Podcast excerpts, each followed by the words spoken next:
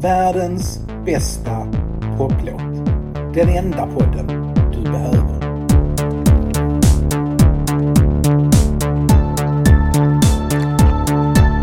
På TV så såg vi om Dr. Snuggles. På radio så lyssnade vi mest på The Buggles. Men jag kan förstå du inte kommer ihåg hårdrock eller synt eller hårdrock eller hårdrock. Just det. Året är 1980. Runt om i världen ser sig människor förvirrat omkring efter framtiden men upptäcker att 1980 mest är som 1979 fast med andra slutsiffror. I Sverige träder den nya successionsordningen i kraft och landet moderniseras till den grad att vår genom blodsmagi utsedda statschef inte längre behöver ha penis. Vinter-OS spelas i USA och blir en enorm tv-succé när miljontals människor följer det amerikanska landslagets resa mot olympisk guldmedalj i pojkhockey. Vi folkomröstar om kärnkraften och har att välja mellan tre olika nej och ingen förstår vad vi egentligen röstat på. Men vad det än var så bryr sig ingen beslutsfattare om det. Sommartid införs i större delen av Europa för att franska kor ska ge mer mjölk. Världshälsoorganisationen låter meddela att smittkoppor tillhör historien. På Island blir Figdis Finnbogadottir världens första demokratiskt valda kvinnliga president. Björn Borg vinner Wimbledon för femte året i rad. Sällskapsresan går upp på bio och sätter tonen för hur svensk komedi ska göras, det vill säga mediokert, för all framtid. Den 4 november väljer USA Ronald Reagan till president och det största debattprogrammet på svensk TV, Studio S, lägger en hel timme på att göra reklam för videovåld i allmänhet och Motorsågsmassakern i synnerhet. John Lennon skjuts till döds. Tidigare på året förlorade vi ACDCs Bon Scott. På ytan ett skitår bland andra skitår. Men mitt bland detta dyker den upp. Världens bästa poplåt. Jag är Nils Karlsson. Det här är podden som just nu söker svaret på den eviga frågan om vilket som var bäst, synt eller hårdrock. Och nu ska vi dessutom lösa en mordgåta. Vem mördade egentligen radiostjärnan? Det här är den sällsamma historien om en av de mest inflytelserika låtarna någonsin. Om vikten av en bra hook, om Video Kill the Radio Star helt enkelt. Video Kill the Radio Star är en låt som verkar ha evigt liv. Den borde gjort upphovsmännen till världsstjärnor men två av dem valde en mycket märklig annan väg och den tredje försvann in i glömskan trots att både han och skivbolagen trodde att han skulle bli 1980-talets stora stjärna i den engelskspråkiga världen. För många är låten också legendarisk för att det var den första som spelades på MTV. Men den legenden har förlorat i betydelse i och med att ingen längre kommer ihåg att det brukade spelas musik på MTV. En gång i tiden var musikvideon allt. En bra video kunde skapa en monsterhit av en urusel låt och ett aldrig så trallvänligt mästerverk kunde undvika hitlistorna om den inte hade en medföljande liten film som på något sätt förstärkte låtens budskap eller ökade igenkänningsfaktorn. 1980 var precis före musikvideons definitiva genombrott men allt fler skivbolag hade förstått hur mycket billigare det var att skicka en liten film till tv-kanalerna än att skicka en hel poporkester. Räckvidden blev större och en musikvideo håller sig nykter och börjar inte bråka med programledarna. När Trevor Horn, Jeff Downs och Bruce Woolley skrev Video Kill the Radio Star 1978 ville de göra en låt som lät som framtiden och framtiden menade de var elektronisk musik och musikvideo. Radions tid var förbi. Framtiden är yta, framtiden är polerad. Framtiden, oroar sig Trevor Horn, är själlös. Sångtexten blir en melankolisk meditation över en tid som varit, tonsatt med Bruce Wooleys oemotståndliga melodier. Woolley kunde verkligen det där med melodier. Han har skrivit några av de bästa. Utöver Video Kill the Radio Star så är min favorit Blue Blue Victoria. Men den fick ingen musikvideo. Woolley trodde inte på sin egen profetia om radiostjärnans död utan satsade på radion och att resa runt med sin orkester The Camera Club och spela. Blue Blue Victoria är en låt man helt enkelt inte kan sluta nynna när man väl har hört den. Det är kanske den bästa hitlåten som aldrig blev en hit. Från 1981 är den, och makalös.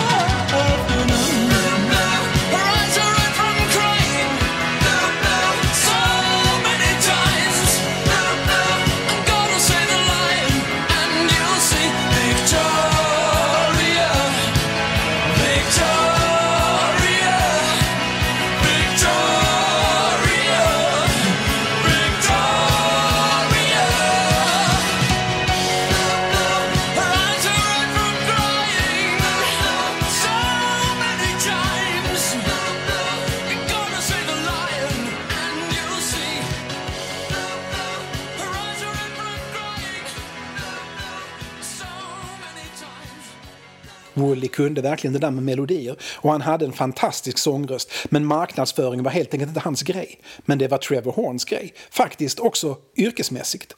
Horn växte upp i Hetton Le Hole, en liten håla i norra England som inte är känd för någonting alls mer än att det är det stället man hamnar på om man ska till Hutton Le Hole men läser fel på skyltarna och tar fel avfart. Samhället hade när Trevor växte upp där nära 10 000 invånare och man jobbade antingen i kolgruvan eller på mejeriet. Det var alternativen. Horn ville inte jobba i gruvan eller på mejeriet. Hans pappa, som jobbade på mejeriet, hade hittat ett sätt att överleva den episka tristess som mejeriarbete orsakar. Han spelade musik. Självlärd basist i områdets enda jazzband. Och när han skulle ut och spela tog han med sig Trevor som älskade allt som gav ljud ifrån sig. När Trevor var fem började han lära sig spela bas själv och när han var tolv kunde han hoppa in i jazzbandet om hans pappa var sjuk eller försenad på grund av något mejerirelaterat ärende. Familjen bodde granne med Hålands pub och Trevor blev ett stående inslag på lördags eftermiddagarnas musikunderhållning. Han spelade gitarr och imiterade andra artister. Bodde du i Hetton Le Hole på 60-talet så är det ganska stor chans att din första upplevelse av Bob Dylan var när Trevor Horn imiterade honom på puben. BBC spelade mest brittisk musik men i familjen Horn lyssnade man på amerikansk. Pappa Horn köpte importerade skivor till både sig och pojken och genom Trevor spreds låtarna sedan som imitationer. Dylan, Beach Boys, Zappa, till och med The Velvet Underground. Men Trevor drömde om mer än ett liv som pubmusiker en gång i veckan.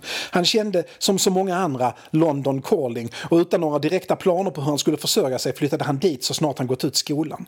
Genom sin pappa hade han kontakt med några musikaffärer och en eller annan inspelningsstudio. På något sätt skulle det gå. Det började med att gå åt helvete. I London fanns det inte någon direkt efterfrågan på artistimitatörer med konstnärliga ambitioner. Han fick ströjobb som roddare och städare och vikarierade ett tag som musikinstrumentförsäljare. Han spelade såklart i band också och arbetade som plastpåseförpackare. Så en dag träffade han en nedstämd radioproducent i musikaffären. Det var 1971, kanske det bästa musikåret någonsin och producenten hade problem med att klämma in den nya fantastiska och experimentella musiken som folk ville lyssna på. BBC hade i uppgift att konkurrera ut piratradiostationerna men löd fortfarande under Needle Time-lagen. En lag som dels reglerade hur mycket utrikisk musik som fick spelas på radio och dels satte en gräns för hur många minuter per timme som fick vara musik. Det ansågs som ett väldigt slappt sätt att göra radio att bara lägga på en skiva. Nej, prat skulle det vara. Men artistjävlarna släppte ju förbaskat långa låtar. Yes, Roundabout var 8,5 minut. Carol Kings It's Too Late 5 minuter. Och med amerikanska musiker, The Doors släppte singlar som var 7 minuter långa. Spelade man två låtar hade man liksom uppfyllt sin musikkvot med råge. Men spela in dem kortare då, föreslog Horn. Och så gjorde man. Horns talang för att imitera inte bara sångare utan också musikers musicerande passade utmärkt. Han hade också en klar talang för att arrangera om sju minuters låtar till tre minuters låtar och han var dessutom från England. Horn älskade musikstudion på BBC. Fascinerad av teknikens möjligheter tog han sig för att lära sig allt. Jobbet ledde också till kontakter i radiobranschens mindre trendiga utkanter. Han fick snabbt sidojobb att komponera reklamjinglar. De ska vara korta, ljudmässigt unika och med irriterande melodier. Horn berättar att han säkert skrev 800 jinglar under de här åren 1971 till 1974. Eller sålde så många i alla fall. Han erkänner att han nog sålde en del jinglar flera gånger. För en jingel för en bilfirma i sydöst kan ju funka som en jingel för fågelmat i norra Skottland. Det ingen vet tar ingen skada av. 1974 blir han erbjuden jobbet att bygga upp en musikstudio i Leicester med närmast obegränsad budget att köpa in maskiner för. Det går ju inte att tacka nej till. Horn lämnar London, bygger studio och blir studions allmänna teknikkille och allt i allo. Leicester har ett fotbollslag. 1974 tänkte de storsatsa, vinna kuppen, vinna division 1, vinna folkets hjärtan. Givetvis måste ett fotbollslag som siktar mot stjärnorna ha en poplåt att sikta mot stjärnorna med. Så man börjar säsongen med att köpa tre dagars studiotid på Drumbeat Studios och så skickar man in hela A-laget för att sjunga en låt om hur bra det kommer gå för Leicester City FC 1974 och sen kan man lyssna på skivan och minnas det ärorika 1974 och dansa och vara glada och och stolta. Det faller på Trevor Horn att sköta inspelningarna. Han märker direkt ett stort problem med Leicester City Football Clubs plan. Fotbollsspelarna kan inte sjunga eller spela. Musikbiten hade han såklart förväntat sig, men att inte ens en enda av spelarna hade en sångröst som ens med de mest effektiva och effektiga effekter kunde anses acceptabelt hade han ju inte räknat med. Så Horn får göra upp en egen plan. Först spelar han in fotbollslaget så att de känner att de gjort något i studion och sen skickar han hem dem. Och så börjar Trevor Horn bygga upp låten från grunden. Han börjar med att leta musiker bland de lokala banden. Han kan spela de flesta instrument själv, men vill få till den där känslan av att det liksom är ett gäng som gör det. Dessutom måste det vara musiker som antingen är mediokra eller kan låta mediokra. Det ingår i konceptet att man ska kunna tro att det är fotbollslaget som gjort låten. Bland de musiker han lyckas övertala att delta finns den unga organisten Jeff Downs och de klickar direkt. När de spelar ihop känns det som att de alltid gjort det. På några timmar får de ihop musiken och spelar in den. Återstår problemet med sången. Horn ringer ett samtal. Horn snabbauditionar människor. Horn raggar fotbollsentusiaster på puben. Till slut har han hittat människor som sjunger så pass bra att lyssnarens öron inte börjar blöda. Men så pass dåligt att man ändå kan tro att de är fotbollsspelare. Han levererar låten, skivan pressar. Leicester City slutar i mitten av serietabellen och åker ur kuppen i en tidig omgång. This is the season for us faller snabbt i glömska men den finns enligt uppgift kvar i jukeboxen på puben The Gate i Bisbrook i Rutland. Men du måste växla till dig ett äldre 50-pensmynt för att få igång den.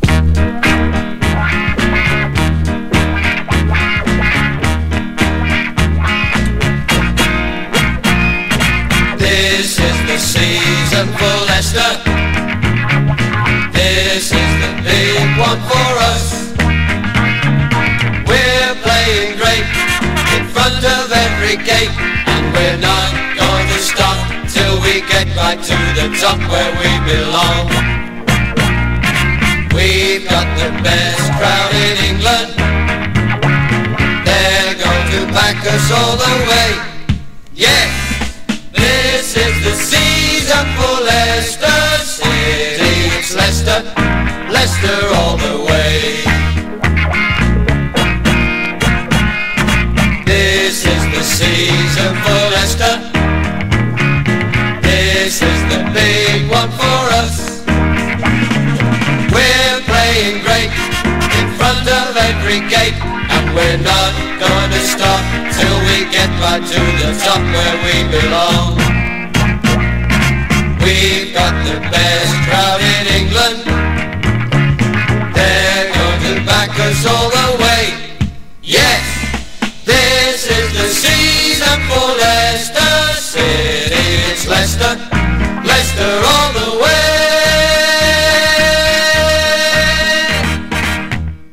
även om skivan inte blev en succé så får du Horn att inse hur mycket han älskar kringarbetet kring inspelningarna också. Han njöt av att få det att fungera. Han njöt av att ringa samtalen, leta musikerna och han njöt av att kunna leverera exakt den produkt beställaren ville ha. Han har hittat sitt kall. Det är inte att imitera musiker, det är inte att bygga musikstudior. Hans kall är att producera musik och det tänker han göra. Han tänker dessutom göra det tillsammans med sin nya bästa kompis Jeff Downs. Och är det inte London calling igen? Jo, det är det. De flyttar till London, nu med den uttalade planen att skaffa sig jobb som producenter och låtskrivare åt andra artister, inte vara artister själva. Och det börjar med att gå åt helvete. Men de har i alla fall någonstans att bo. En kall och dragig lägenhet ovanför en stenhuggaraffär. Succén uteblir. Det blir att försörja sig på reklamjinglar igen. Det visar sig att Jeff Downs också är en naturbegåvning på det. Och de kan göra det billigt eftersom de tillsammans behärskar alla instrument man behöver för att kunna låta precis så som kunden vill ha det. Men det är inte detta som är deras dröm. För de drömmer om hitlistorna. Trevor Horn har en flickvän. Hon kommer att visa sig helt avgörande för tillkomsten av världens bästa poplåt och det på flera sätt. Hennes första bidrag var att hon lät Trevor följa med in i studion där hon spelade in sin stora hitlåt och han fick möjlighet att bevittna hur producenten Bedo ledde hela processen för att få ut det bästa av alla inblandade. Han säger att det förändrade allt för hur han såg på den personliga relationen mellan producent och artist. Artisten i det här fallet var Tina Charles, Horns flickvän, och hennes grej var att vara sexig utan att vara slampig. I alla fall var det så skivbolaget beskrev det. Skivbolagets vision var Donna Summer fast som någon man kunde gå till kyrkan med.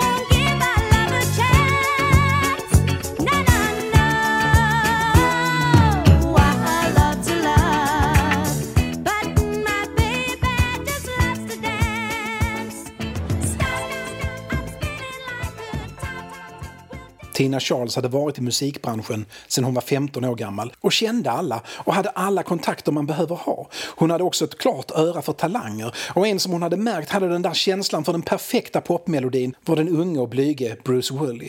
Han visste inte riktigt vad han ville, låtskrivare, artist, helst artist. Hur som helst så presenterar hon Horn och Woolley för varandra och de klickar och snart har hon flyttat in i den kalla lägenheten ovanför stenhuggaren för att skriva låtar med ambitionen att ta över varenda topplista i världen. Med sig har Woolley det som i princip är Video Kill the Radio Star, fast bara musiken. Downs och Horn förstår direkt att det här är hitten de letat efter. Den hittigaste hitten någonsin. De släpper allt för att arbeta på den. Åtta timmar om dagen i tre månader sitter de tre och sliter för att få den perfekt. 1978 blir 1979 och de lyckas hitta den perfekta blandningen av minnesvärda melodier och melankoliska textrader. Under de månaderna hinner Horn också snöa in på tyska kraftverk. Han skaffar en lindtrummaskin. Downs, Woolley och Horn bestämmer bestämmer sig för att låten är så pass bra att det vore synd att ge den till någon annan artist. De bestämmer sig för att officiellt starta ett band ihop. The Buggles, som en hyllning till The Beatles. Downs kommer på ett litet mellanspel och ett litet intro och sen tycker de att, men alltså, nu kan det ju inte bli bättre. De utnyttjar överbliven studiotid från en jingelproduktion att spela in en demo. Den blir inte perfekt, men bra. Woolley på sång. De skickar runt den till alla skivbolag, men det är som om skivbolagen inte alls förstår vad de vill säga eller hur otroligt hitvänlig låten är. Alla säger nej till låten, men några säger ja till Bruce Woolley. Han får flera erbjudanden om artistkontrakt och efter inte alls särskilt lång betänketid tackar han ja. Tre låtar hann han skriva med The Buggles innan han lämnade lägenheten och popgruppen. Nu tar Tina Charles kommando över berättelsen igen. Hon förstår hur bra låten är. Hon ställer ett ultimatum till sitt skivbolag, Island. Antingen lyssnar skivbolagsledningen på allvar på den här låten eller så förlänger jag inte mitt kontrakt med er. Ja men visst, vi lyssnar väl då. En gång till. Och det gör man. Den här gången med Trevor Horn och Tina Charles i rummet. Horn får en möjlighet att förklara vad han hade kunnat förbättra om de hade tid och en ordentlig studio. Okej, säger Island. Ni får en chans då. Samtidigt som Jeff Downs och Trevor Horn går in i studion för att spela in Age of Plastic, som deras LP ska heta, gör Bruce Woolley nästan samma och går in i en annan studio för att spela in sin debutskiva English Garden. De är inte ovänner på något sätt, inte än i alla fall. De gästspelar på varandras skivor, men det finns ändå en känsla av konkurrens. Inte minst som Woolley tänker spela in de tre låtar han skrivit med Downs och Horn och precis som Downs och Horn släppa dem på singel. Island vill verkligen att The Buggles version ska komma ut först, men Horn tror inte att först vinner i det här fallet. Istället tror han att det behövs något irriterande som får låten att sätta sig i lyssnarens huvud. Han behöver mer tid för att hitta precis rätt. Och för tredje gången stiger Tina Charles in i bilden. Hon sitter i studion medan Downs och Horn drar i rattar och skruvar och kopplar sladdar för att hitta exakt det rätta ljudet. I högtalarna spelar de Video Kill the Radio Star, singeln som bara måste bli färdig och av någon anledning har de lämnat sångmikrofonen på i studion. Charles börjar bli lite trött på Video Kill the Radio Star så lite hånfullt och lite på skämt improviserar hon fram oh, wow, på valda ställen för att liva upp stämningen. Hon sjunger också refrängen med teatral överspändhet som en reklamfilm från 1950-talet. Horn och Down stannar upp i sitt sladddragande. De tittar på varandra. De förstår. Senare samma vecka släpps Bruce Woolley and the Camera Clubs Video Kill the Radio Star, givetvis utan musikvideo. Och visst, den spelas lite på radio och visst, den är väl helt okej, men den låter inte framtid. Den låter nutid, sent 1979.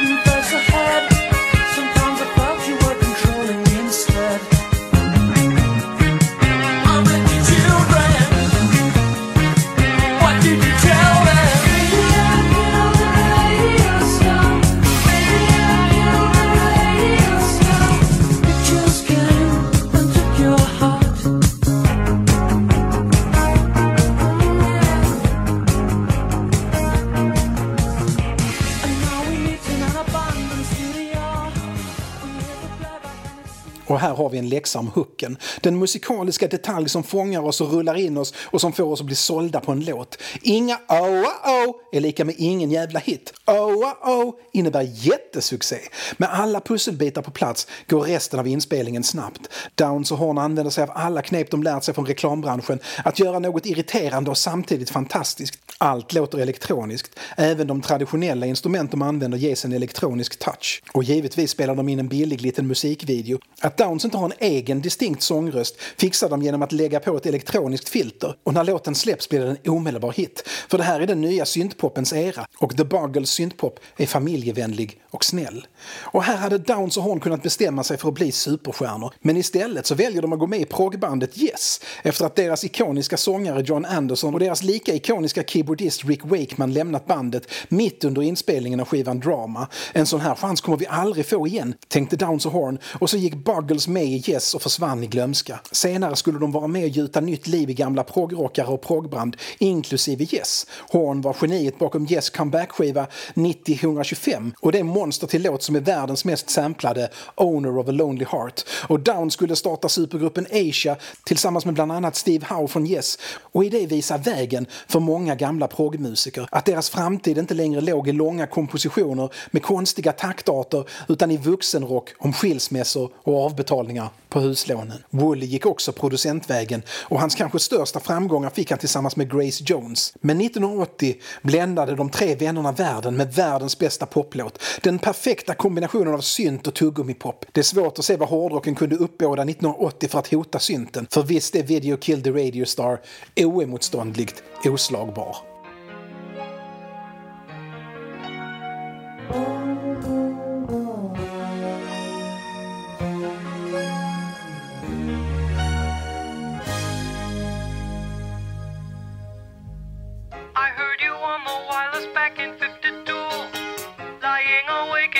tuning in.